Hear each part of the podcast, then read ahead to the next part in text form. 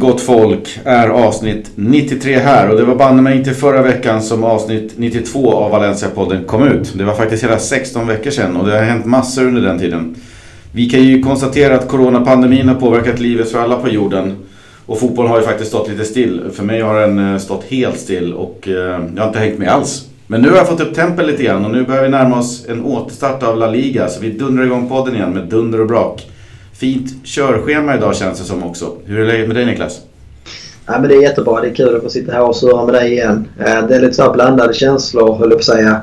Men det menar att man känner sig hela tiden så här som en... Eh, ja, men det känns lite, lite som ett kosläpp. Det känns som mm. vi liksom stått här nu i stallet i 16 veckor och nu är vi ute liksom och kan springa i hagen och springa med gräset. Och man är lite så lite osäker. Hur var det nu man gjorde? Och mm. eh, lite så nervös för det här ska gå. Men eh, framförallt så är det väldigt, väldigt skoj att vara igång. Och framförallt så är det väldigt, väldigt skoj att fotbollen är på gång igen.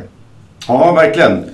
Det har ju liksom varit eh, väldigt tomt där. Det var ju väldigt trist på slutet känner jag när det var matcher utan publik. Det kändes ju som värsta öknen. Men nu har man ju lite puls då för att det ska komma matcher utan publik så att man får någonting liksom. Ja, men det, det fina med sådana här saker är väl ändå liksom, det har vi i alla fall märkt själv, även om det kanske blivit några veckor för länge här på slutet. Men ibland när sådana här oväntade saker händer och saker stannar upp så blir det ändå att man reflekterar. Och jag har liksom verkligen så Fan vad fotbollen eh, betyder mycket för en. Mm. Eh, både liksom så här Valencia, hur mycket Valencia betyder för en och mycket så Eh, hur mycket det händer med ens humör. Och det, det kan ju vara på gott och ont. Men det har någonting att bry sig om på något sätt. Det har någonting att följa och någonting liksom så som engagerar er på Twitter eller vad det än kan vara. Eh, jag tror att det ändå är en bra grej. Alltså, det blir också någon slags så här, eh, vad ska man säga, skönt att släppa alla andra problem. Liksom. Mm.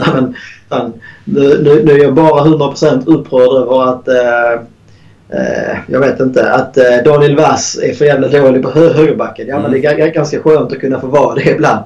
Och inte behöva tänka på uh, amorteringar eller problem med bilen eller vad fan det kan vara. Liksom.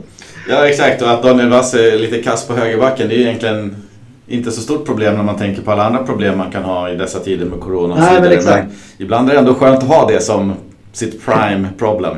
ja, nej, men det, det är svårt att förklara men det känns liksom som hela den här pulsen och allting liksom som är runt fotbollen och följa det i veckorna och liksom se fram emot en match och liksom glädjen som blir när, det, mm. Eh, när de här eh, oväntade eller liksom fina prestationerna kommer och även också den lilla besvikelsen. Även om det, man kanske inte har saknat besvikelsen så är det väl mer känslorna som man har saknat. Liksom. Jag har svårt att gå upp liksom i varv Eh, på samma sätt som under Valencia-match för andra saker mm. i vardagen. Kolla, kolla, kolla film eller kolla en... Jag vet inte. Uh, så att nej, det har blivit uppenbart liksom så hur stor del fotbollen faktiskt är av ens liv och att det faktiskt är någonting bra för. Eller hur mm. Ja, jag hoppas att ni också går upp i varv nu när ni hör att podden är tillbaka och känner att det ska bli härligt. Jag... Uh ser framför mig att det blir ganska mycket snack så det kan nog bli över en timme idag misstänker jag i och med att det är lite kosläppskänsla på båda oss. Ja precis, vi skulle behöva någon, någon som hejdar oss kanske. Haft någon, en moderator. facilitator. Ja precis. Ja men vi kör väl, vi känner igen schemat lite grann. Vi har inga matcher att snacka om utan nu får vi ta nästa vecka när det drar igång. Utan eh, vi drar väl igång nyheter och vi håller väl oss eh, till det som har hänt lite här nu på slutet och det som är aktuellt istället för att grotta ner oss i en massa saker som har hänt under våren här under coronabreaket. Eh, och vi börjar väl direkt med den eh, stora soppan eh, kring Garay. Han är ju skadad och borta till sommaren. Uppfattningen när vi lämnade för 16 veckor sedan var ju att Garay signerade ett kontrakt. Men så var inte fallet. Han gick själv nu i söndags ut med en video på Instagram där han gav sin version av det hela. Och det är en riktig soppa. I korthet så handlar väl eh, det hela, eller hans video om att han ville förklara att han redan i somras hade ett kontraktförslag på bordet från Valencia. Men det tackade han själv nej till då han kände sig illa berörd av ja, det som hände med Marcelino och hans avskedande och ville väl avvakta lite och känna att den stormen lugnade ner sig och se vad som händer innan han skrev på. Sen under hösten, vintern så hade han en överenskommelse med, med klubben om en förlängning. Eh, allting eh, enligt honom då kändes klart. Det var bara själva bläcket på pappret, signeringen som saknades då. Och sen eh, i januari då under Superkoppan i, var det Saudiarabien va? Just det, det var det väl. Ja, så blev han i alla fall kallad till ett möte då där Valencias nya sportchef Cesar Sanchez eh, är med. Enligt Garay har då det man tidigare kommit överens om under hösten, vintern. Det har helt förbisetts. Eh, och det var liksom helt andra saker som, som pratades om och inget nytt kontraktförslag har erbjudits sedan dess. Han ville också då poängtera i filmen där att han inte har tackat nej till något erbjudande på 2,7 miljoner euro per år i lön. Eh, vilket hade figurerat i media. Eh, och sen så adresserar ni även den här lönereduktionen som alla spelare och ledare gick med på. Så att klubben kunde klara av att betala löner till övrig personal. Och det är en ganska stor stab runt en sån här klubb. Alla gick med på det förutom Garay själv då, då. Han menar ju på att klubben ville att han skulle gå ner mer i lön än alla andra och att han skulle lönereducera under sin skada. Här har jag inte riktigt koll på hur han menar där men du kanske kan eh, utveckla det lite grann. Jag kan ju säga att på detta så menar Garay eh, då att eh, klubben medvetet har läckt ut en massa information och bedrivit någon typ av smutskastningskampanj mot honom. Och det är det som till slut har tvingat honom att gå ut och ge sin sanning här på, på Instagram då. Ja, det är ju, det är ju tyvärr är det väldigt många saker som liksom äh, tas upp och det är väldigt många påståenden och väldigt mycket anklagelser får man väl ändå säga. Mm. Det första man liksom känner så här, det är så Alltså sådana här utspelade överlag tycker jag luktar lite, lite illa. När han spelar liksom själv ska spela in i video. Eh, grejer är väl också kanske inte så oväntat att han gör det. Han har haft lite, lite sådana här... Eh, om det kommer från hans fru som också är väldigt duktig på. Hon har ju också slängt lite kängor till Valencia. Men att liksom uttrycka sig i sådana här... Det blir lite grann en offerkofta på något sätt. Eh, jag, jag, jag, jag, kan förstå liksom att han eh, känner en frustration. Eh, Ska man bara kort kommentera den första delen som du snackade om där. Så där verkar väl ändå, jag tror vi kommer in på det också, vad, vad Valencias svar var. Men den, den delen är man, är man väl hyfsat överens om att det var ungefär så, så det har gått till. Eh, och vad, vad, man har förstått av, av Garay själv så säger han att man var, man var muntligt överens under hösten. Eh, det fanns liksom så. Nej, men allting var, var, var klart. Mm. Men sen då när, när Jorge Lopez försvann och Cesar Sanchez kom in så var det en del nya förutsättningar som ändrades. Så det är väl också lite märkligt om så var fallet. Vad menar han kring det här ERTA som de snackar om? Han uh, fick väl såklart samma erbjudande, upplever jag som, eller antar man, från klubben att lönereducera. Men... Ja, det verkar väldigt rörigt här. Man ska börja med det, det, läser man artiklarna på spanska och kanske på engelska så är det ju ett, en förkortning som ofta förekommer, arte. Och det man kort kan förklara vad det innebär det är ju man kan säga att det är en eh, extremare version av permittering kan man säga. Om jag förstår sånt rätt så handlar det om att eh, klubbar eller då företag så att säga har rätt att eh, under den här perioden, alltså det här har tillkommit mer eller mindre under Corona. Alltså det är väldigt så här force majeure-aktiga grejer som man får använda det här. Då får du liksom så tillfälligt säga upp din personal och betala bara det precis nödvändiga så, så, sociala avgifter och sådana saker. Och det då Geray menar, om jag tolkar honom rätt, så är det så att en del av en del av spelarna har erbjudits en lönesänkning så att säga. Eh, inte så här totalt att du blir uppsagd tillfälligt utan en lönereduktion. Medan då han har blivit erbjuden det här ärtet så att säga som är lite sämre villkor. Sen som vi kommer in på senare så säger Valencia precis tvärtom att mm. Garay, Garay har fått precis samma erbjudande som alla andra spelare.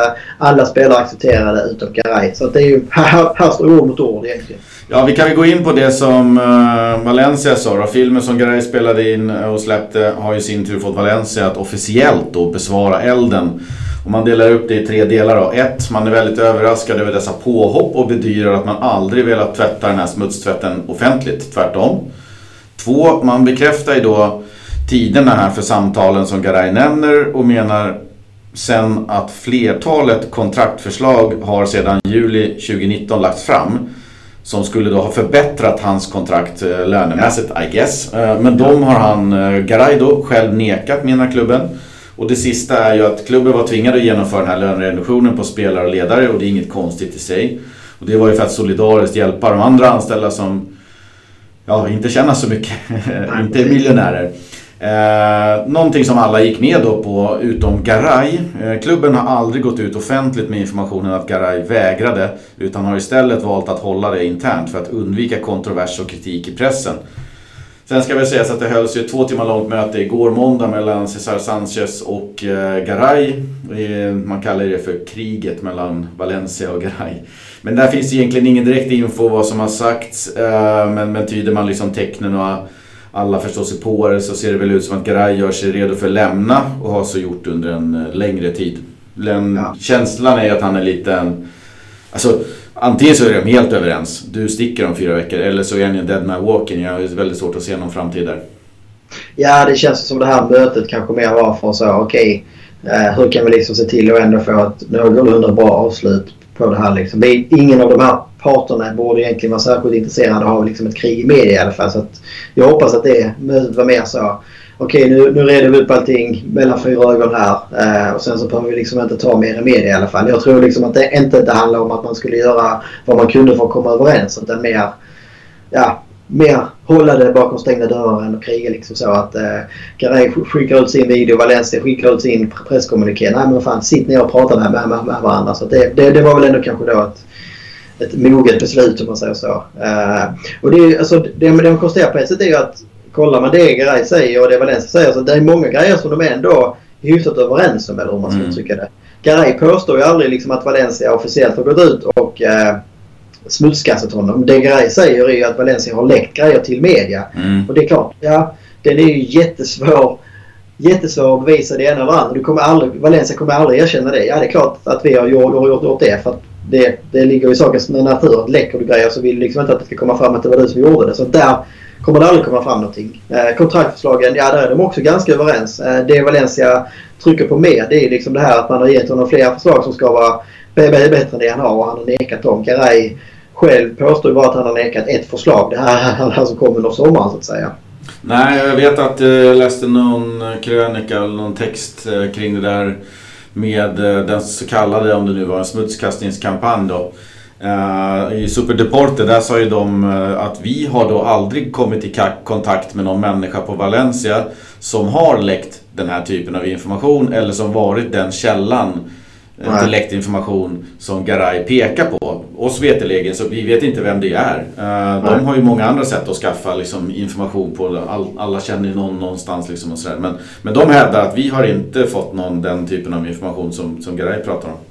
Sen i media, de skriver ju om allt de hör. Jag menar sen om det är Valencias smutskastningskampanj eller om det är media som behöver någonting att skriva om. Det är ju svårt att avgöra. Precis, nej, och det är också svårt liksom att se att Superreporter skulle skydda någon källa inom Valencia. Alltså, ja, visst, det finns väl anledning att de också skulle kunna göra det för att man liksom vill kunna få information mer i framtiden. Skulle man liksom gå ut och säga att man har en källa där så är den dörren säkert stängd. Men Superreporter har väl inte heller liksom varit kända för att försvara Valencia CFs ledning de, de senaste åren. Vilket man ändå går ut och gör här delvis.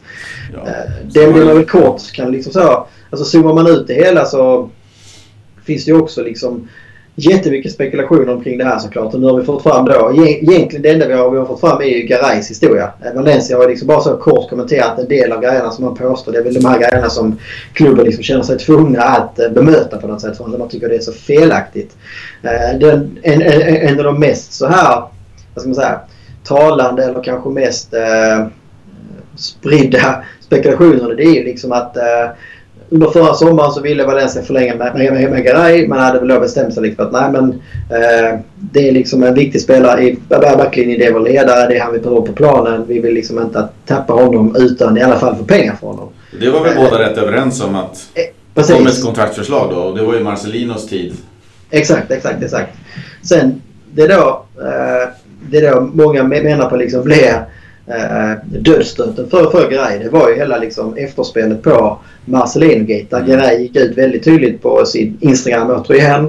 Eh, och liksom eh, försvarade Marcelino och liksom gav ju indirekt Morty och Lim en rejäl känga. Liksom, där han skrev i stort sett att de, de som ligger bara, bara, bara bakom det här har liksom ingen koll och de eh, bla bla bla. Eh, och många menar på liksom att sånt där, så, så, sådana saker liksom glömmer inte den här ledningen i Valencia idag. Utan de har liksom mer eller mindre bara väntat på Alltså där, där var han körd för, för Valencia. Efter det så har det bara varit liksom en, en, ja, en lek eller man ska säga. Mm. Uh, och det är väl liknande grejer som vi egentligen sett, sett och såg hända med Marcelino också. Liksom. När, han, när han gick emot Lim då under våren i fjol uh, så är det många som menar på att ja, men där genom att satsa på koppan som han gjorde eh, så skrev han på sin dödsdom där. Oavsett att han vann koppan och tog oss och Champions League ändå så spelar det ingen roll för att eh, det handlar om heder på något sätt. Det är väl det, det, är väl det många snackar om att det gäller att förstå liksom den här hedern och stoltheten som kanske då finns hos kanske mer utan att liksom ha, ha några fördomar men som man då menar finns mer inom det asiatiska affärslivet mm. om man säger så. Att tappar du ditt ansikte eller hedern och stoltheten det går liksom inte eh, eh, inte att reda upp det. Nej, precis. Att komma tillbaka efter det. Uh, och det tycker jag låter liksom ganska rimligt. Sen det tråkiga med det här är liksom att man har hellre sett att Valencia man hade kunnat hantera det så himla smidigt. Alltså gå ut och säga bara att nej men uh, vi, vi, ser ingen framtid i, i, i, i grejer Valencia längre. Eller, om man skulle liksom vara så himla krassa att säga liksom att nej men uh, Garay skadehistorik, vi har hans ålder, han skadade sig allvarligt i knät här i februari. Vi kan tyvärr liksom inte chansa och lägga de pengarna på, på den typen av spelare. Utan vi, vi, vi behöver gå skilda vägar. Så hade det varit, liksom varit fine på något sätt. Det hade varit öppen och ärlig i alla fall. Jag tror där, där ligger problemet. Det, det är ju så eh, de flesta klubbar resonerar. Man tar ett beslut kring olika spelare i god tid och sen ja. börjar man förhandla. Jag tror att efter att Marcelino fick dojan från klubben så finns det ingen som kan ta beslut. För ja. dels så har du en Alemani då som också bara väntar på första bästa möjliga exit. Han blev ju tvingad kvar eh, året ut eh, för att liksom få slippa böter eller vad det nu var. Eh, han tog ju inte ett jäkla beslut på hösten som inte han behövde ta. Han gjorde ju ingenting för han kände att jag ska lämna. Vi har en tränare som Celades, han har ungefär 0,0 saker att säga till om. Och då har vi Anil Murti kvar som inte vet någonting om någonting. Och så kom det in någon eh, Lopez, tillfällig interimsportchef, undrar vilka beslut han tar. Vem tar beslutet om Garay efter det? Alltså ett kontraktsförslag låg på bordet i juli förra året. Eh, efter det så, så fram tills att Cesar klev in eh, så har det väl inte funnits någon som kan ta beslut. Och då eh, skadar han sig och så kommer Corona. Så att jag tror att det, det, det, det, är så rörigt i den här klubben och sen finns det väl några yttre faktorer som, som rör till det ännu mer. Men det är tyvärr den bittra verkligheten tror jag att det, det är så pass rörigt att ingen klarar av att ta sådana här beslut och göra det på ett eh, korrekt sätt. Ja, nej, jag, jag tror helt och hållet det är inne på rätt spår. Jag tror det är liksom det här, kombinationen av det här att det är ingen som liksom kan ta beslut eller känner man har mandaten eller känner man modet att ta beslutet liksom för att man vet att det är någon över dig som tycker och tänker om saker. Men jag tror heller att sen liksom Marcelino och Alemani feedades ut på något sätt så är det heller ingen, ingen som liksom har haft den här lite långsiktiga planen på något sätt. Mm. Alltså, nu hamnar man i en situation där man helt plötsligt står utan sin ledande mittback och kanske egentligen liksom en... en ja men det, han har ju varit en av lagkaptenerna på något sätt och nu ska mm. vi liksom behöva jaga in det. Istället för att liksom tagit det här beslutet förra sommaren. Antingen eller. Antingen så förlänger vi med honom och då, då ser vi till att få hans krita på pappret under sommaren. Alltså vägrar han skriva på under sommaren, ja men fine. Då går vi ut liksom att vi, vi gav Garay ett ultimatum. Antingen skriver du på på nu eller så får vi liksom redan då börja kolla på en ny spelare. Och sen kanske du då Ja, men sälj då grejer i december och januari för för istället kanske för att kunna få ja, 15-20 miljoner från, från, från Kina. Alltså nu får vi liksom ett worst case scenario där vi får en missnöjd Garay. Det blir en jäkla soppa omkring det. Jag tycker heller inte att han förtjänar det här avslutet på något sätt. För att menar, hans insatser på planen har alltid gett allt och varit en förebild och ledare. Så jag tycker också det är tråkigt att det ska bli ett sånt här avslut samtidigt som vi då inte får en krona i ersättning. Ja, och, och, i det här läget eh, så, så är ju inte Garay någon kanske direkt framtidsman utan det är ju Ja, vi pratade om det innan, det är väl min åsikt men det är lite av en nödlösning. Det är ju våran bästa eller en av de två bästa backar som absolut håller den nivån som vi vill i de matcher han spelar. Men han spelar ju bara hälften av matcherna för han är väldigt, väldigt skadad och har alltid varit det. Och ja. gammal. Eh, så att i det här läget så, så tycker jag att ja men har du Garay i truppen så kanske rätt är att förlänga med honom. Ge honom 2,5-3 miljoner euro per år pang, gånger ett eller två år så har du bränt 5-6 miljoner. Ska du då skicka Garay, då ska du dels gå ut på marknaden och hitta någon som man inte är 100% säker på, kanske är lika bra. Du kanske måste betala lite övergångssummor och hux flux så har du tripplat eller dubblat den här pengen vad det kostar att ta in en back. Det är i och för sig en långsiktigare lösning. Ja. Men, men att, att beslutet inte tas är ju helt vansinnigt. Och det hade ju behövt tagits i höstas. Eh, för att från och med jul va, så fick han förhandla med andra klubbar. Det var det han höll på med i några månader också vad jag förstod. Precis, ja. Så att jag är bara ja. så här, vem, vem vill vad? Vem ska vi ha han? Ska vi inte ha han? Vad fan? Ja, nej, men det är på något sätt är det också tillbaka till det här liksom. Eh, och det kanske inte är så himla oväntat på ett sätt. Men det, det, det är lite grann tillbaka till det här styret som vi hade innan Marcelino och Alemani fick mm. liksom lite mer makt och man liksom satte sig ner och försökte göra planer. Man försökte bygga liksom ett lag. Vad är det för typ av spelare? Vad är det för typ av eh, personligheter som vi behöver i laget? Och man, man liksom fick, fick ihop ett bra lagbygge. Nu är vi återigen tillbaka till det här kortsiktiga.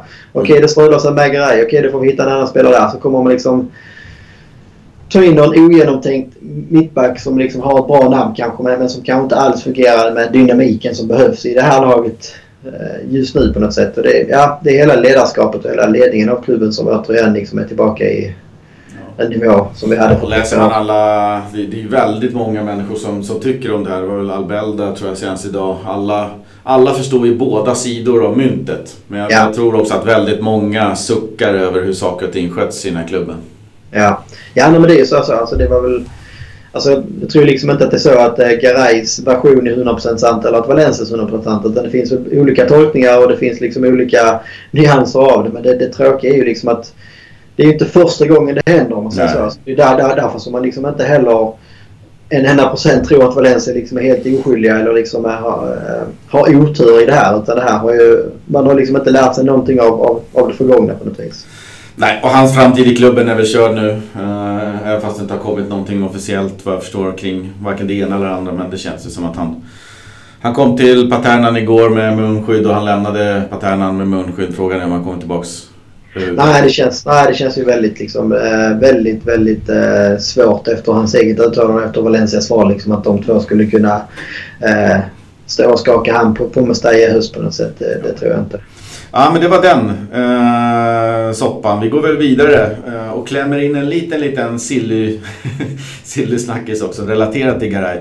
Fiorentinas German Pazzella ska vara på Valencias radar som ersättare till Garay och lagkaptenen sitter på ett kontrakt som går ut om två år.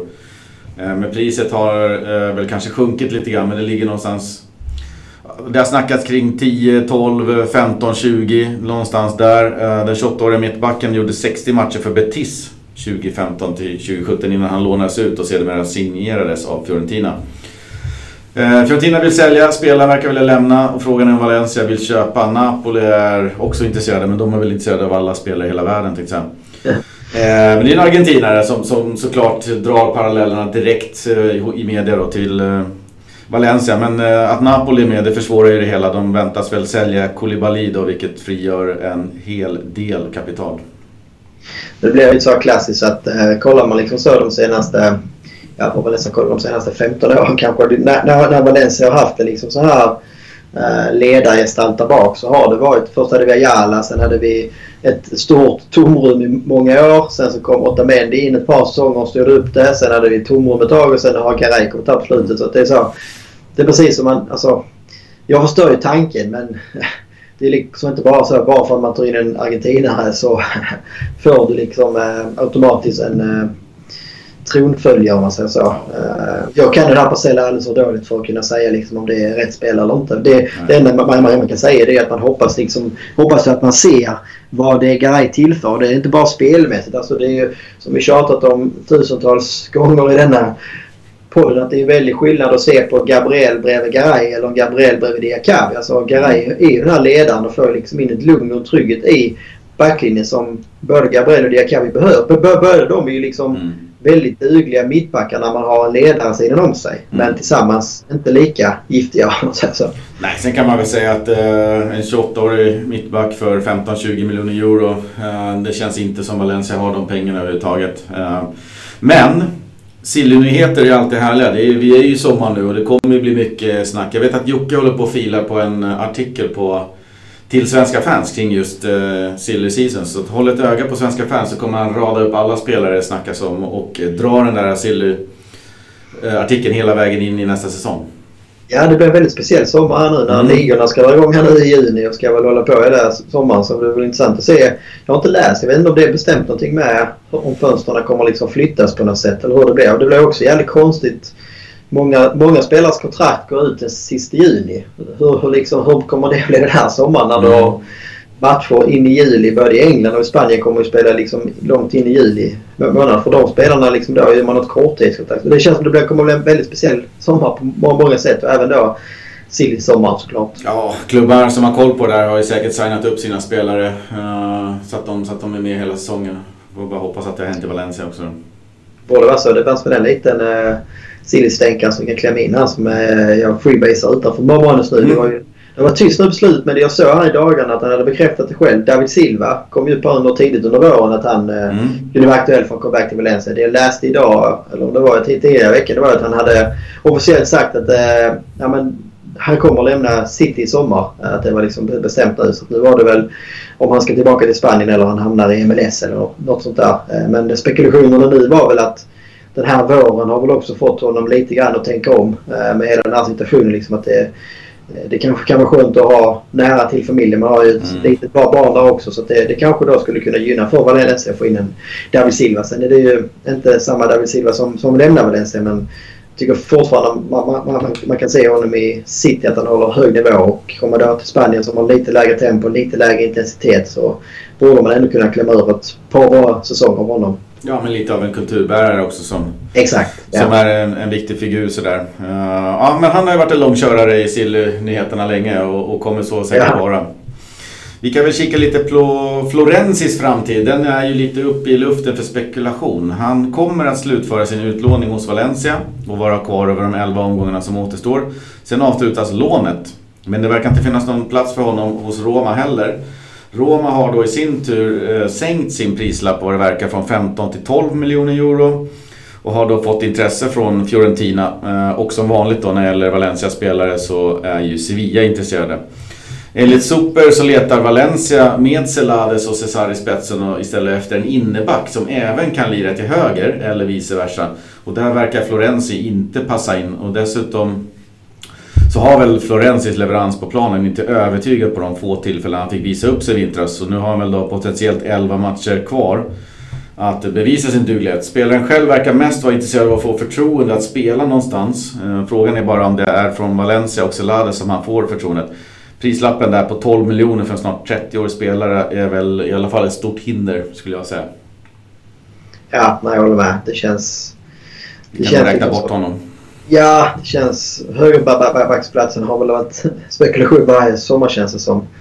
Men det kändes jävligt kul när han kom in där. Jag tänkte, men nu, det här har vi en Roma-kapten och liksom spelat Serie A massvis med, med år och, ja. och sådär. Nu ska vi se vad, vad som händer. Det har varit en cirkus med alla möjliga eh, högerbackar då, då. Eh, och den här unga Thierry som inte höll måttet alls och så vidare och, och Vass som vikarierar. Men ja. det tog inte riktigt fart med Florenzi tyckte jag. Nej, och det då liksom som, som du är inne på här. Man, man, man vill ha en ytterback som både kan spela ytterback och mittback. Vilket man kanske lärt sig av när man hade de här skadebekymren och avstängningarna samtidigt. När man inte hade en enda mittback. Och Coquelin fick väl in och spela mittback där ett tag. Mm. Uh, så det, det, är väl, det, det är väl smart tänkt liksom att hitta det är lite mer eh, Daniel Vass-spelare om man säger så, som är mer användbar på olika positioner. Och då, då känns det som du säger, då är ju inte Florenzi riktigt den profilen kanske. Och för de pengarna, liksom 10-12 miljoner, borde man kunna hitta en, eh, en mer spännande spelare kanske som också har flera år framför sig. Det kändes som ett perfekt lån. Florenzi ja. behövde speltid och Valencia behövde en högerback. Låt oss uh, köra fram till sommaren och sen får du vara med i ditt EM och så säger vi hej då liksom och hitta ja. permanent. Så att, den planen uh, blev vi lite ruckad på men jag tror att grunderna i den planen ligger kvar. Att Florenzi lämnar efter säsongen. Ja, det känns så.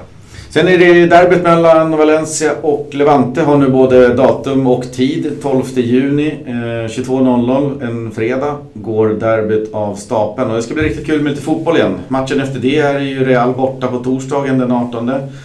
Även då klockan 22. Det är ju varmt som attans där nere så det blir sena kvällstider.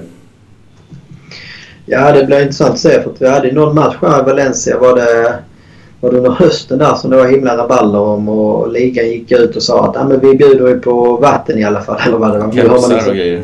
Ja precis. Nu har du liksom en hel sommar varenda match. Och så att även om de startar 10 så vet vi att det kan vara rätt så varmt i, i Spanien ändå, eller i juli klockan 10 på kvällen. Så att, ja. ja, fast jag tror att i höstas så var det nog att de, de spelade i solen. Att det var ja, verkligen gassande. Så nu får de ja, tänka till ja. lite grann.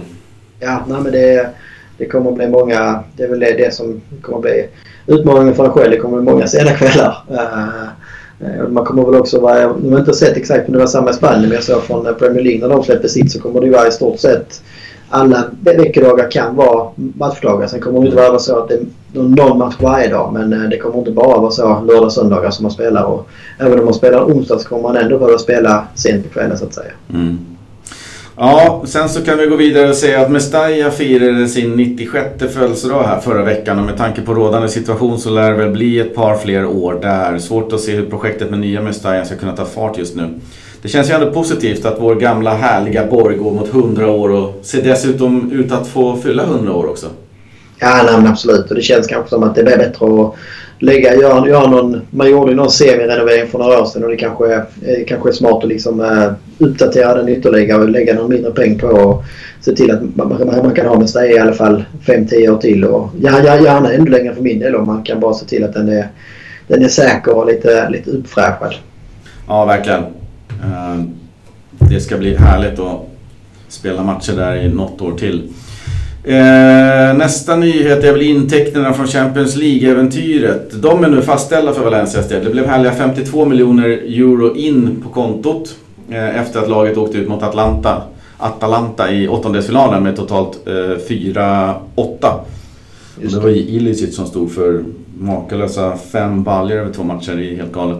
Men 52 miljoner euro är eh, också det galet fina pengar att ha i böckerna dessa tider. Man kan ju bara tänka på Sevilla och Getafe och Villarreal som inte fick dessa pengar. Det var ju minst sagt rätt år att vara med i Champions League. Ja, det får man säga. Och det kanske är rätt då också att äh, åka ur i en åttondelsfinal. Det hade inte spelat någon roll om vi tog oss vidare. För vad jag förstår så kommer väl inte Champions League att återupptas.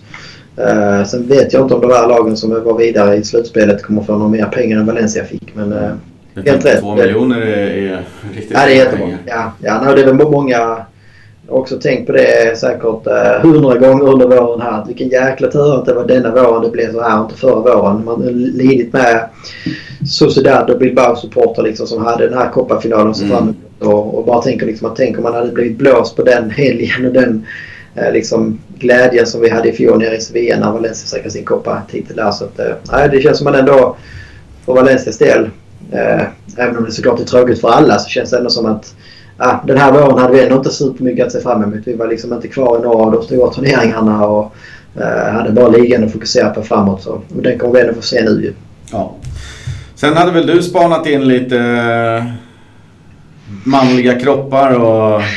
exakt. Du, du, du stod för de här lite mer seriösa nyheterna. Jag hade ja, lite sådana här hämtextra spaningar. Ja. Uh, Ja, men det, det, det, det florerar ju en bild på Rodrigo när han kom tillbaka. Då kunde man ju se liksom att han hade inte direkt legat i, uh, på latsidan under sin karantän. Utan han kom ju tillbaka med några jävla biceps. Uh, och det var väl nästan så att det började spekuleras om att de kanske var för stora. Hur han liksom så nästan hulkvarning på hans överkropp. Kanske li, lite överdrift om mig där men... Han hade inga hantlar, eller han hade ingen löpan hemma. Han hade bara hantlar när, ja, när lockdownen slog till han, han, han trodde nog inte det skulle bli fotboll i sommar utan han byggde bara kroppen efter beachen i mm. sommar. Så, så det blir intressant att se hur, om han har kvar. Han har ju också liksom levt den här kattlika smidigheten på planen på något sätt. Så vi får hoppas att han inte har tappat det. Uh, Guedes kom också tillbaka och såg grymt vältränad ut. Kanske mer då fotbollsmässigt vältränad ut. Nästan så här Cristiano Ronaldo-vibbar. Mm. Uh, och han har ju sett lite halvdassig ut det senaste året egentligen. Blixtrar till ibland men inte riktigt uh, haft den där liksom, eh, exklusiviteten som, man, som vi minns liksom från hans första flygande höst i Valencia. Så det känns som formmässigt, eh, fysiskt sett att säga, så har han väl gått från att kanske vara en Punta Cota till en Ducati. Så det blir intressant att se om han kan flyga här under sommaren och, och eh, har liksom fått, fått den här våren på, på sig och eh, funderar och liksom är rabarbersugen som fan nu. Parejo såg ju också lite tunn ut. Ja, han har nog inte tränat. Jag vet inte vad han har gjort. Han var liksom inte gått upp i vikt, vilket man kanske varit rädd för med honom. Utan, eh, nästan sådär att han såg sjuk ut. Jag vet inte om han har haft liksom legat eh, helt eh, i, i corona eller någonting. Jag vet inte. Men han såg, såg väldigt eh, spinkig ut. Så att vi hoppas att han eh, äter upp sig. Eller om det bara är så att han har fortsatt köra på eh, Marcelinos diet eller någonting här på egen hand. Och sen har vi ja, näst sista nyheten. En, en härlig fin flagga som ska bli flera mindre härliga.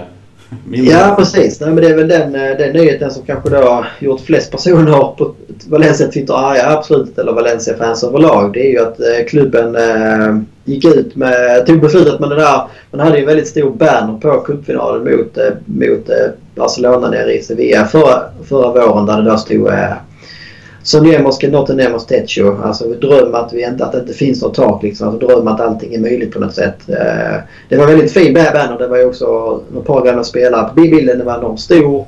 Eh, den, den betydde mycket liksom både, både för atmosfären och inramningen skulle jag säga. För det var, det var, var, precis, det var precis de orden och precis liksom med den känslan som, som också liksom eh, spelarna och publiken gick in till den här matchen. Liksom. Alltså den här Cise Pued, eh, att man liksom ville få alla spelarna att tro på att det var möjligt. Att man kunde vinna den här matchen. Det var liksom det som också alla, allt snack på stan handlar om så att fan, vi måste verkligen tro på det här. Vi kan liksom inte ge på förhand bara för att vi möter ett eh, Barcelona. Eh, och då med, med, med allting som hände och varje ton gick och titeln som lyftes så, så blir ju inte den här bannern eller flaggan direkt mindre värd om man säger så.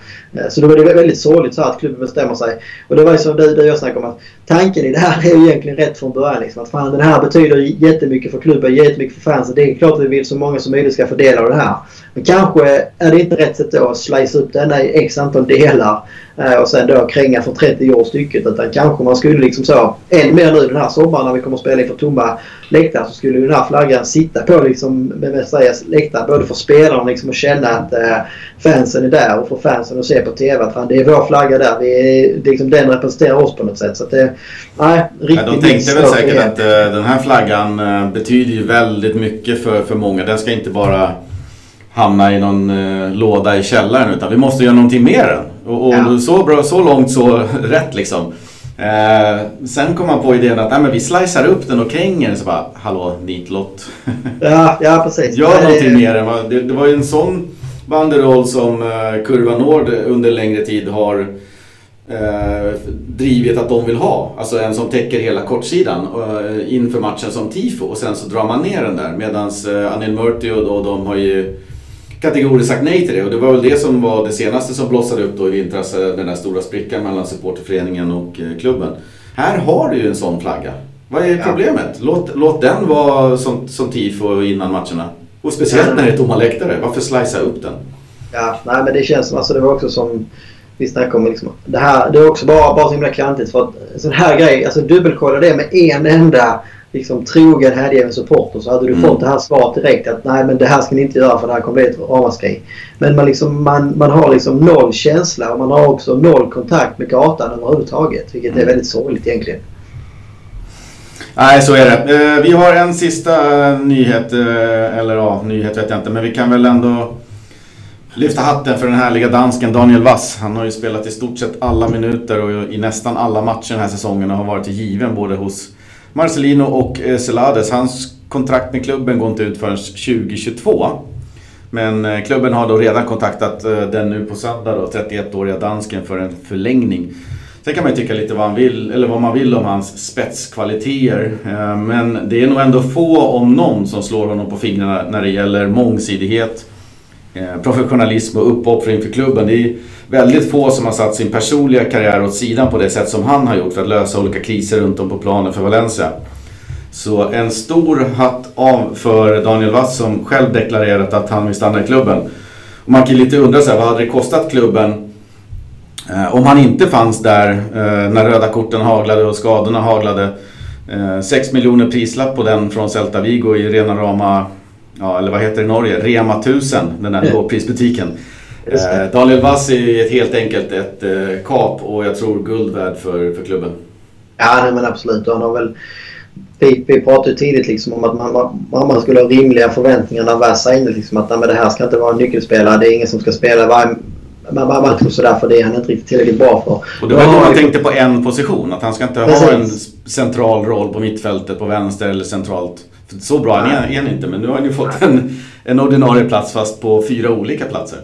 Ja, nej, och det är liksom är bara att hylla honom egentligen för att han, han köper alltid sin roll också. Liksom, han gnäller aldrig. Han får spela högerback ibland, höger mittfältare ibland, inom mittfältare ibland. Och, eh, vad han liksom alltid gör är att kriga och, eh, och spela med hjärtat så att säga. Sen är det så, som du säger att han är inte den liksom bästa högerbacken eller bästa högeryttern eller bästa innermittfältaren. Men du vet alltid vad, vad du får och han är väldigt professionell framförallt som du är inne på också. Så att, eh, jag helt med på att det är, det är, det är, det är, en, det är en spelartyp som man, man ska vara rädd om känns som. Det känns som att den typen av spelare eller personligheter riktigt växer inte på träd. Framförallt inte numera kanske. Nej, jag vet ju många spelare som är både anfallare och, och, kanske mittfältare och liksom gnäller på att de har en för hög position på planen eller tvingas ta för mycket defensivt arbete för det hämmar deras spel.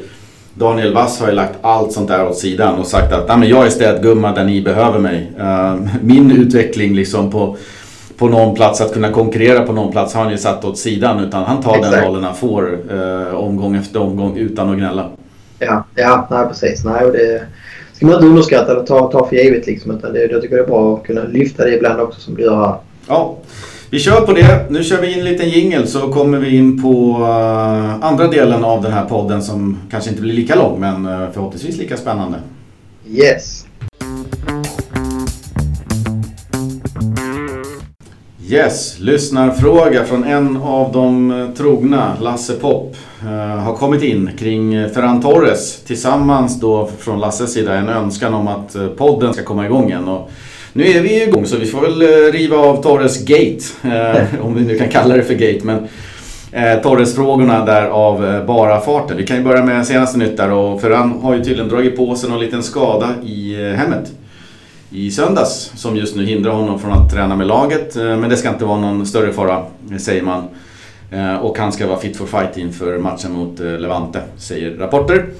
Men när vi lämnade er senast här då så för 16 veckor sedan så krävde ju Ferran enligt media mer betalt än Carlos Soler i lön för att signera ett kontrakt. Är det en mediagrej eller om det liksom verkligen är så att han snöat in sig på det vet jag inte. Men hans nuvarande kontrakt sträcker sig till sommaren 2021 med en utköpsklausul på 100 miljoner euro, vilket i nuläget känns rätt safe. Eh, men både klubben och alla fans vill ju såklart knyta upp eh, säsongens stjärnskott får man väl ändå kalla honom för. Eh, på ett flerårskontrakt med en ännu högre utköpsklausul. Inget konstigt således. Det är ingen panik med den här förhandlingen i och med att han har eh, ja, ett drygt eh, år kvar på sig. Men det, det gäller ju att komma till skott någon gång så det får inte bli någon garaj-historia här. Men eh, vi kan väl riva av då eh, frågorna. Eller de handlar egentligen kring vad står vi i kontraktsförhandlingarna? Vad händer med Torres? Och hur har snacket gått här nu under coronavåren? Jag skulle säga alltså, det jag upplevde var att alltså, det var väldigt mycket snack under hela, alltså har det egentligen varit under hela den här säsongen och tog liksom ännu mer fart när, när Ferran tog fart så att säga på planen och när, när alla liksom insåg potentialen i Ferran Torres och man såg liksom att han var den bästa spelaren långa stunder. Eh, sen nu blev det liksom i början när allt hände så ja, men det var så mycket fokus på allt annat då på något sätt. Så då, då, då blev det väldigt tyst om det här. Eh, sen så har det spekulerats fram och tillbaka. Jag tycker inte det har kommit fram. Men jag inte, jag tycker, nej, jag tycker inte, i alla fall inte kommit ut så mycket. Vilket, vilket både kan vara positivt och tecken på liksom att det händer saker bakom kulisserna och ingen liksom av parterna läcker. Det är ju det är så här man egentligen vill ha det. Så att, det inte, att det inte läcker ut så mycket och att det finns olika olika spår så att säga. Eh, men det skulle också kunna vara att det faktiskt inte heller har hänt någonting. Vilket vore ganska oroväckande. Eh, Nej, sen är det ju så att liksom han har ju visat på planen med all önskvärd tydlighet att han, han har en, eh, en nivå i sig som är bra. Den visar han ju väldigt många matcher under en, under en period också. Det var ju inte bara en, två matcher utan det var ju många matcher. Det slutade egentligen aldrig. Han har ju ett otroligt förtroende och stänkte dit baljer och assist och, och allt möjligt. Så att, där har vi sett att visst finns det någonting där men vi har ju också haft en Ferran som under ett år eller två försökt sig på lite grann på högerkanten och kanske inte riktigt lossnat. Han har haft någon match här och där och så vidare. Frågan är om det här är hans nya nivå. Ehm, man kan konstatera i alla fall att en eh, local boy eh, och det är 0,0% tvivel eh, kring vart hans hjärta sitter. Det är ju Valencia rakt igenom. Men har ett Valencia i kaos Ferran Torres i sitt hjärta och objektivt sett, vore det bäst för hans utveckling med en flytt? Ja, det här frågan är supersvår tycker jag. För det är precis som du börjar med att säga. och det är väl också det som har läckt ut. Det är väl någonting som har kommit ut under våren. Så det, varit, det enda man har hört liksom hela tiden från Ferrans läger är att nej men Ferran Torres liksom intention och hans vilja är att fortsätta i Valencia. Det är det han vill. Och det är liksom, ja, det är också så. Visst, det, det, det, säger, det säger alla. Och så kan det vara två dagar senare så har de signat från en annan klubb. Så att det, det får man väl ta om man vill. Men med Ferran så känns det ju ändå lite mer trovärdigt eftersom att han har den historiken han har. Eh, det jag hade varit med så här om jag var Ferran Torres det är väl så här. Vad, vad vill han egentligen? Alltså, han borde kanske själv också, förhoppningsvis så har han det, men vad är, vad är hans egen plan? Och ser han sin egen, sin egen liksom utveckling på något sätt? Eh, för menar, det, är inga, det är inga dussinklubbar som ryktas intresserade av honom. Det är City, det är, det är Real Madrid, det är Barcelona. Är det, liksom, är, det rätt, är det rätt steg för honom att gå dit nu? Eh, menar, det, det finns också en uppenbar risk att steget kommer för tidigt. Att det blir liksom för, för, för stort kliv. Uh, och du hamnar liksom på...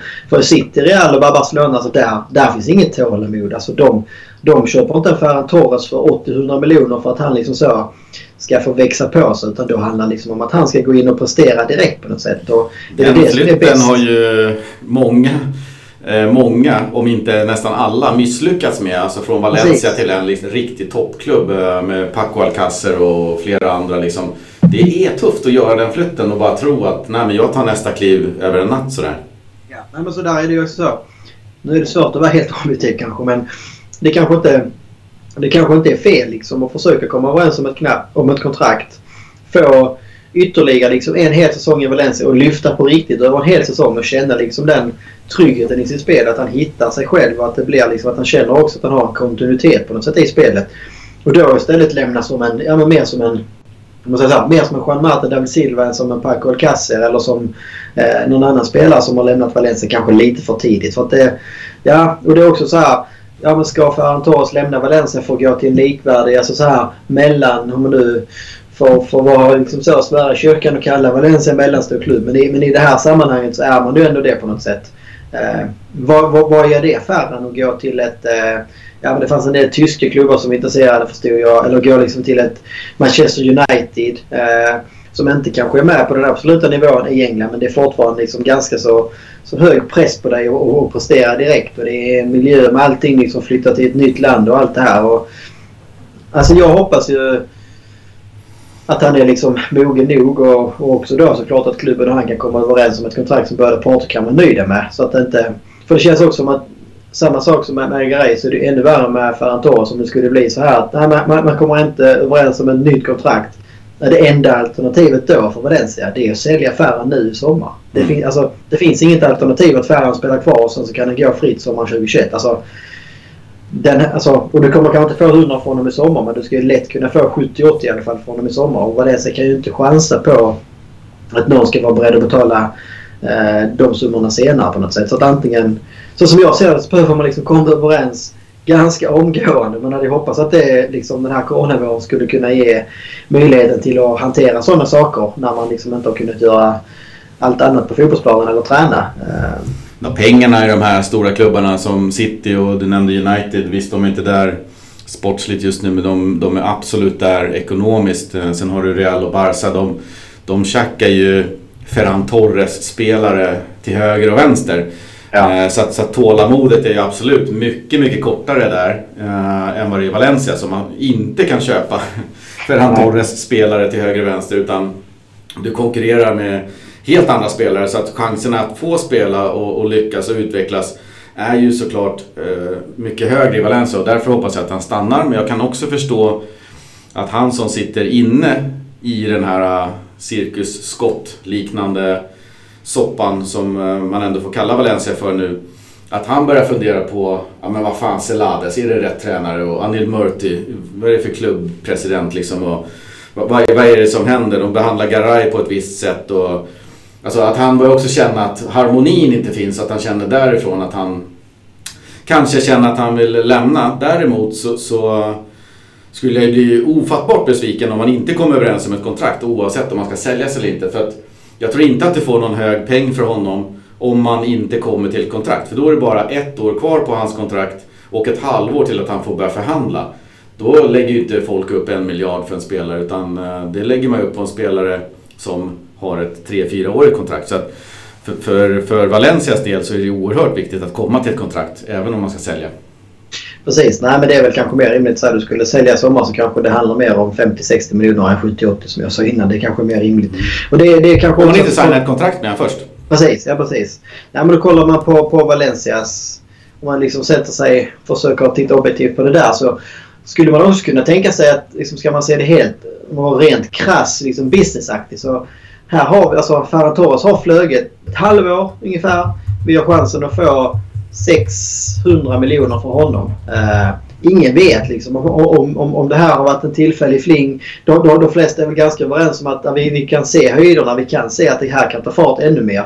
Så det, det är ju där Valencia kan tänka mig stå. Liksom, att ska vi casha in på Ferran nu, få in 600 miljoner, eh, glömma och gå vidare. Eller ska vi liksom försöka förlänga kontraktet, hoppas att han kommer fortsätta flyga och då, då liksom kan vi få dubbelt så mycket om ett eller två år. Eh, det är ju där Valencia liksom behöver bestämma sig. Tror man på Ferran Torres eller tror man inte på honom? Eh, kollar man liksom på de, de klubbarna som är intresserade.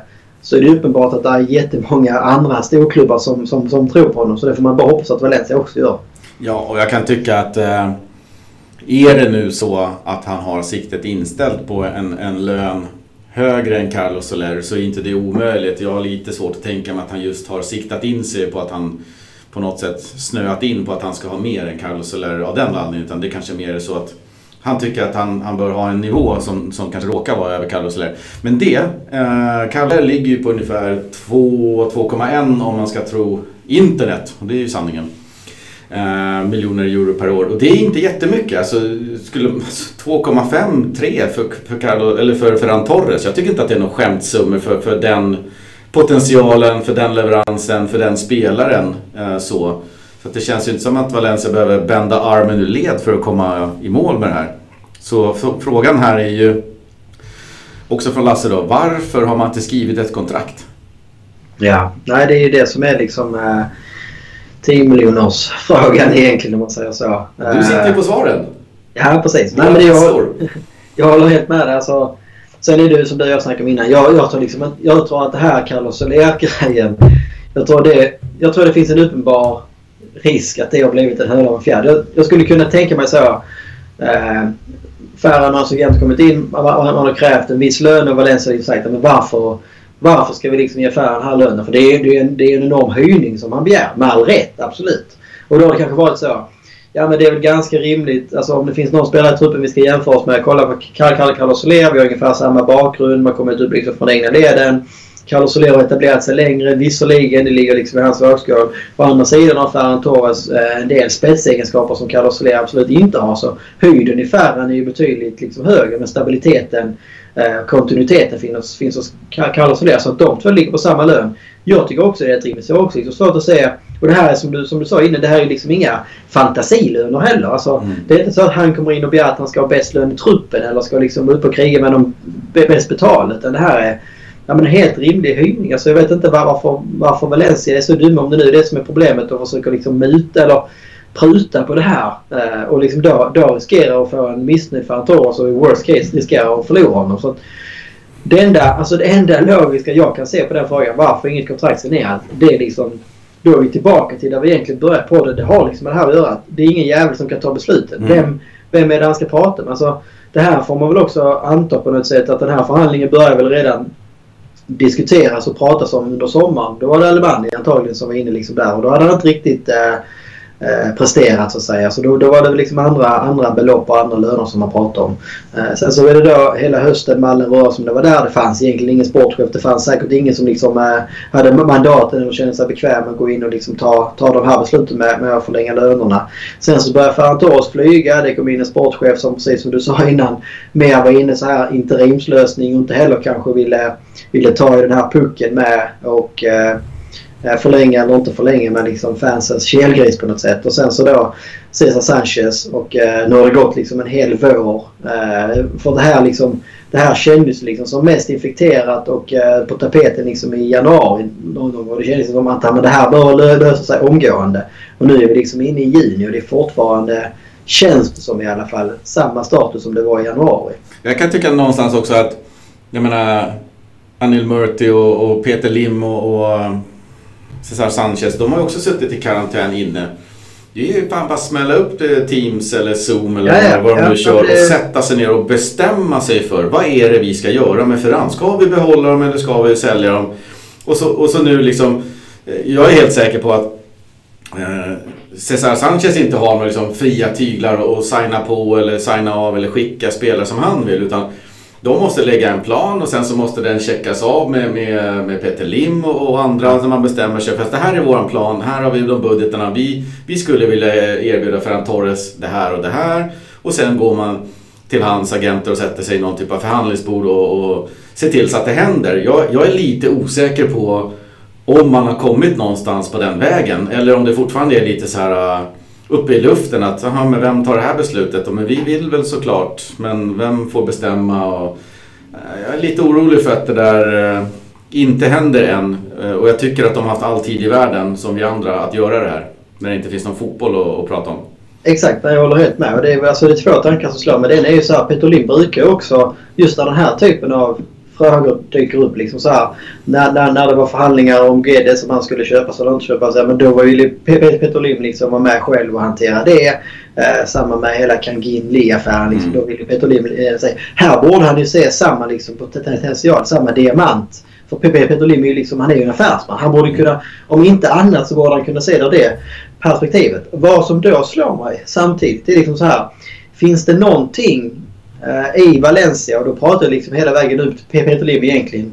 Eh, som ser Ferran Torres som möjligtvis då liksom ett hot till Kangin Lee. Om du förstår. Mm. Peter Lims, Peter Lims liksom källgrisar i Valencia det är ju Kangin Lee och det är Gonzalo Guedes. Det är ganska tydligt. Det är liksom där han har lagt sina pengar. Det är där han liksom, det är de han helst vill ska lyckas. Ferran Torres har ju liksom kommit in och lite grann fuckat den planen den här säsongen. Eh, när han flög den här säsongen som det var Kangin Lee som skulle börja flyga. Mm. Jag, vet, och jag vet inte om, om det liksom finns någon uns av det. Att det är därför som Valencia liksom står i valet och kvalet om att man kanske då ska skeppa honom och få pengar i sommar. Eh, för att rent krasst skulle det vara så skulle liksom Torres försvinna. Eh, om man inte liksom så skulle bestämma sig för att satsa på att ta in en ny högerytter. Ja men då är det ju det är ju det är naturligt att det är Kangin Lee som då får ta den positionen mm. eftersom Guede ska, ska ta vänsterkanten så att säga. Ja, samtidigt så, och jag köper precis det du säger, att det skulle kunna vara att det ligger någonting i det.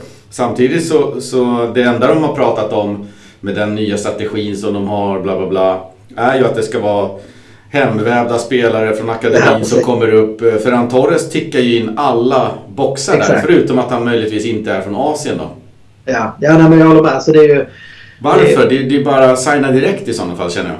Ja, nej, men det, det, det, det är ett stort underbetyg om man tappar Ferran Torres alltså, på grund av det här. På grund av att man inte kan komma överens. Alltså, fine, jag tror alla skulle liksom acceptera att Ferran Torres inte kommer att spela i Valencia för all framtid. Så säger man skulle signa ett nytt kontrakt nästa säsong så fortsätter han att flyga. Han liksom håller sig på de här höga topparna. Sommaren 2021 så eh, kommer liksom en monsterbud från City på eh, en och en halv miljard. Och, alltså, ingen skulle liksom säga att varken Ferran gör fel eller att klubben gör fel. Men då måste ju Valencia sälja. Exakt. Det är ju en säljande klubb. Liksom, tappa en sån här spelare för att man är tvungen att sälja honom i sommar för att man inte kan komma överens om ett kontrakt. Nej, det är liksom... Skulle skicka liksom så här... Ni säger å ena sidan att det liksom är de egna produkterna ni ska... Det är de vi ska satsa på att få fram från ungdomsleden och sådär. Sen så behandlar ni dem ändå så här kast och kan liksom inte skiljas på, på rätt sätt när det väl kommer till kritan. Så det, jag tror man skulle förlora mycket på det som du är inne på. Ja, vi kan väl eh, ta den sista frågan då. Eh, är hans position starkare eller svagare gentemot Valencia? Och då tänker vi på Ferran Torres då förhandlingsposition egentligen. Han, eh, I hans vågskål har han ju sedan förhandlingarna då, ja, i alla fall offentligt började, haft sin leverans. Nu har det då kommit in en, en coronagrej. Eh, det finns ju en viss skakighet eller osäkerhet kring, kring ekonomin hos klubbarna. Kanske finns en mindre investeringsvilja hos, hos andra klubbar. Eh, det finns rörighet i, i Valencias eh, ledning. Eh, nu har Cesar Sanchez kommit in. Eh, men men eh, Torres aktier för att sitta och förhandla, är de, är de starkare eller svagare tycker du? Ja, den är klurig. Alltså, det handlar väl också... Alltså, frågan är också... Alltså, på något sätt så är det väl så här. Om, om, om det inte blir ny, nytt kontrakt för Ferran Torres, kommer han liksom så...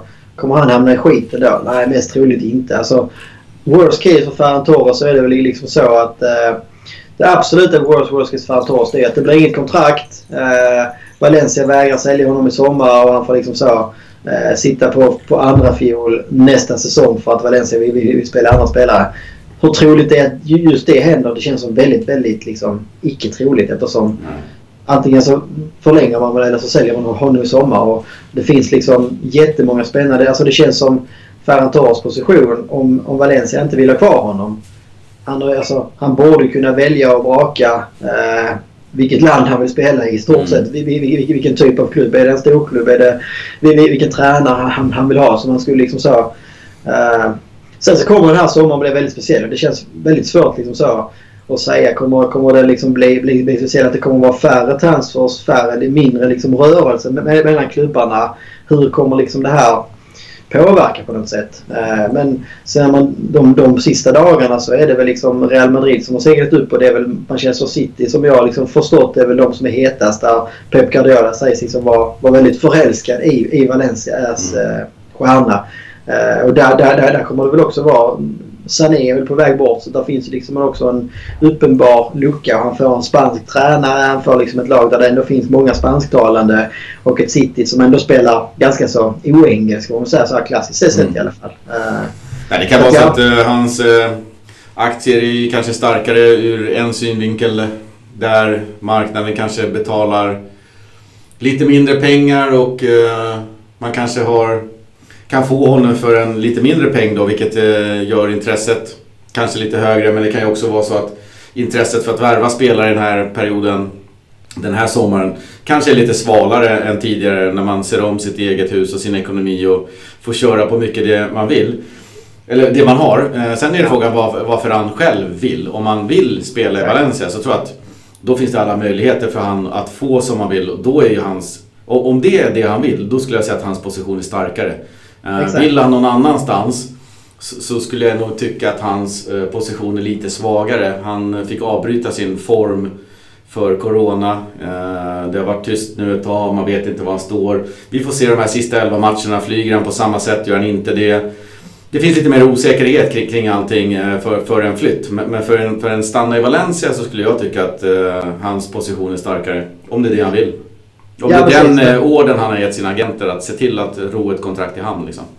Precis, Nej, för då har han ju också alltså hela det här Nej men okej, kanske accepterat lite, lite sämre kontrakt än det här han har ställt som ultimatum på något sätt. Men också då, eh, nej, men då har han själv möjligheten. Så länge han kommer fortsätta prestera bra då vet han att det kommer liksom finnas storklubbar i nästa kontrakt kommer vara så mycket bättre liksom. Mm. Istället för då tvingas lämna i sommar eh, under en väldigt speciell sommar det, det, dessutom liksom. Eh, och då får ett lite sämre kontrakt. Även om det kanske är bättre än han Valencia så skulle det kanske ändå vara, vara, vara, vara, vara sämre det han skulle kunna spela sig till om ett år. Mm. Så att, eh, jag tycker ändå liksom, ska man också jämföra så här, vems position är starkare eller svagare så känns det som att eh, de flesta liksom, korten ligger hos Ferran precis som du är inne på. Han har liksom alla möjligheter att kunna, kunna vara svår om han vill bort. Och verkligen så göra sig svår för, för att komma bort. Men om man verkligen så bestämt sig att det bästa för honom är att vara kvar i Valencia i alla fall en säsong till. Eh, då är liksom han, det är han som har läget att kunna bestämma sig för det och då också liksom se, se till att komma överens. Ja, och jag tror att eh, det finns lite mindre pengar där ute nu eh, och att många spelare kanske har en större vilja att stanna där de är. Där man kanske ja. känner sig lite säkrare. Eh, och det hoppas jag också är fallet i Ferran Torres. Ja precis. Nej, men allting som vi snackade om Silva där också liksom är ja, men med, med vänner och familj och sådär. Vad händer om man flyttar till ett annat land och liksom man inte kan mm. åka upp? Så, alltså, många sådana grejer som kanske också är plötsligt liksom har blivit eh, aktuella så att säga. Man, man, man, är van vid att man kan åka hem varenda helg om man, om man vill det. Om man flyttar till ett annat land. Men eh, de förutsättningarna har ju liksom drastiskt förändrats och det blir liksom väldigt tydligt så att det kan gå från en dag till den andra så är liksom de dörrarna stängda och då är du fast där, där, där du är så att säga. Så att mm. jag, jag håller med det där att det, det kan bli jag tror det kan bli mindre, liksom, mindre rörelser än vad det kanske blivit en normal sommar så att säga. Där både det här påverkar men också liksom att säsongen kommer på, pågå långt in i juli och sen så kommer det bli en, en kort försäsong och sen kommer nästa säsong dra igång. Och då, ja, då får vi liksom inte det här. Och det, är också, det man också kanske ska med sig det är att nästa säsong är ju en eh, blir ju då en, en EM-säsong så att säga. Så mm. många spelare som liksom känner att de skulle kunna vara aktuella för det kommer väl också tänka på det. Och kollar man på Ferran Torres, menar Ska vi vara helt krassa, skulle Ferran Torres fortsätta utvecklas på samma sätt som han gjort i år nästa säsong så är han ju definitivt ett namn i en spansk EM-trupp. Men mm. går Ferran till ett eh, Manchester City och spelar lite andra fotboll, hoppar lite ut, hoppar in, gör det helt, helt okej. Okay. då kommer han få jäkligt tufft att slå sig in i, i, i en landslagstrupp för han, han är inte etablerad där än. Han, mm. han kommer behöva fortsätta visa sig så att säga. Och det har han ju större möjlighet att göra i Valencia tror jag än han har att göra det inom de större klubbarna. Ja, absolut. Vi håller ju tummarna som sagt för att eh, han stannar. Vi håller också tummarna för att eh, Lasse och ni andra är nöjda med vårt dravel kring eh, Ferran Torres situation.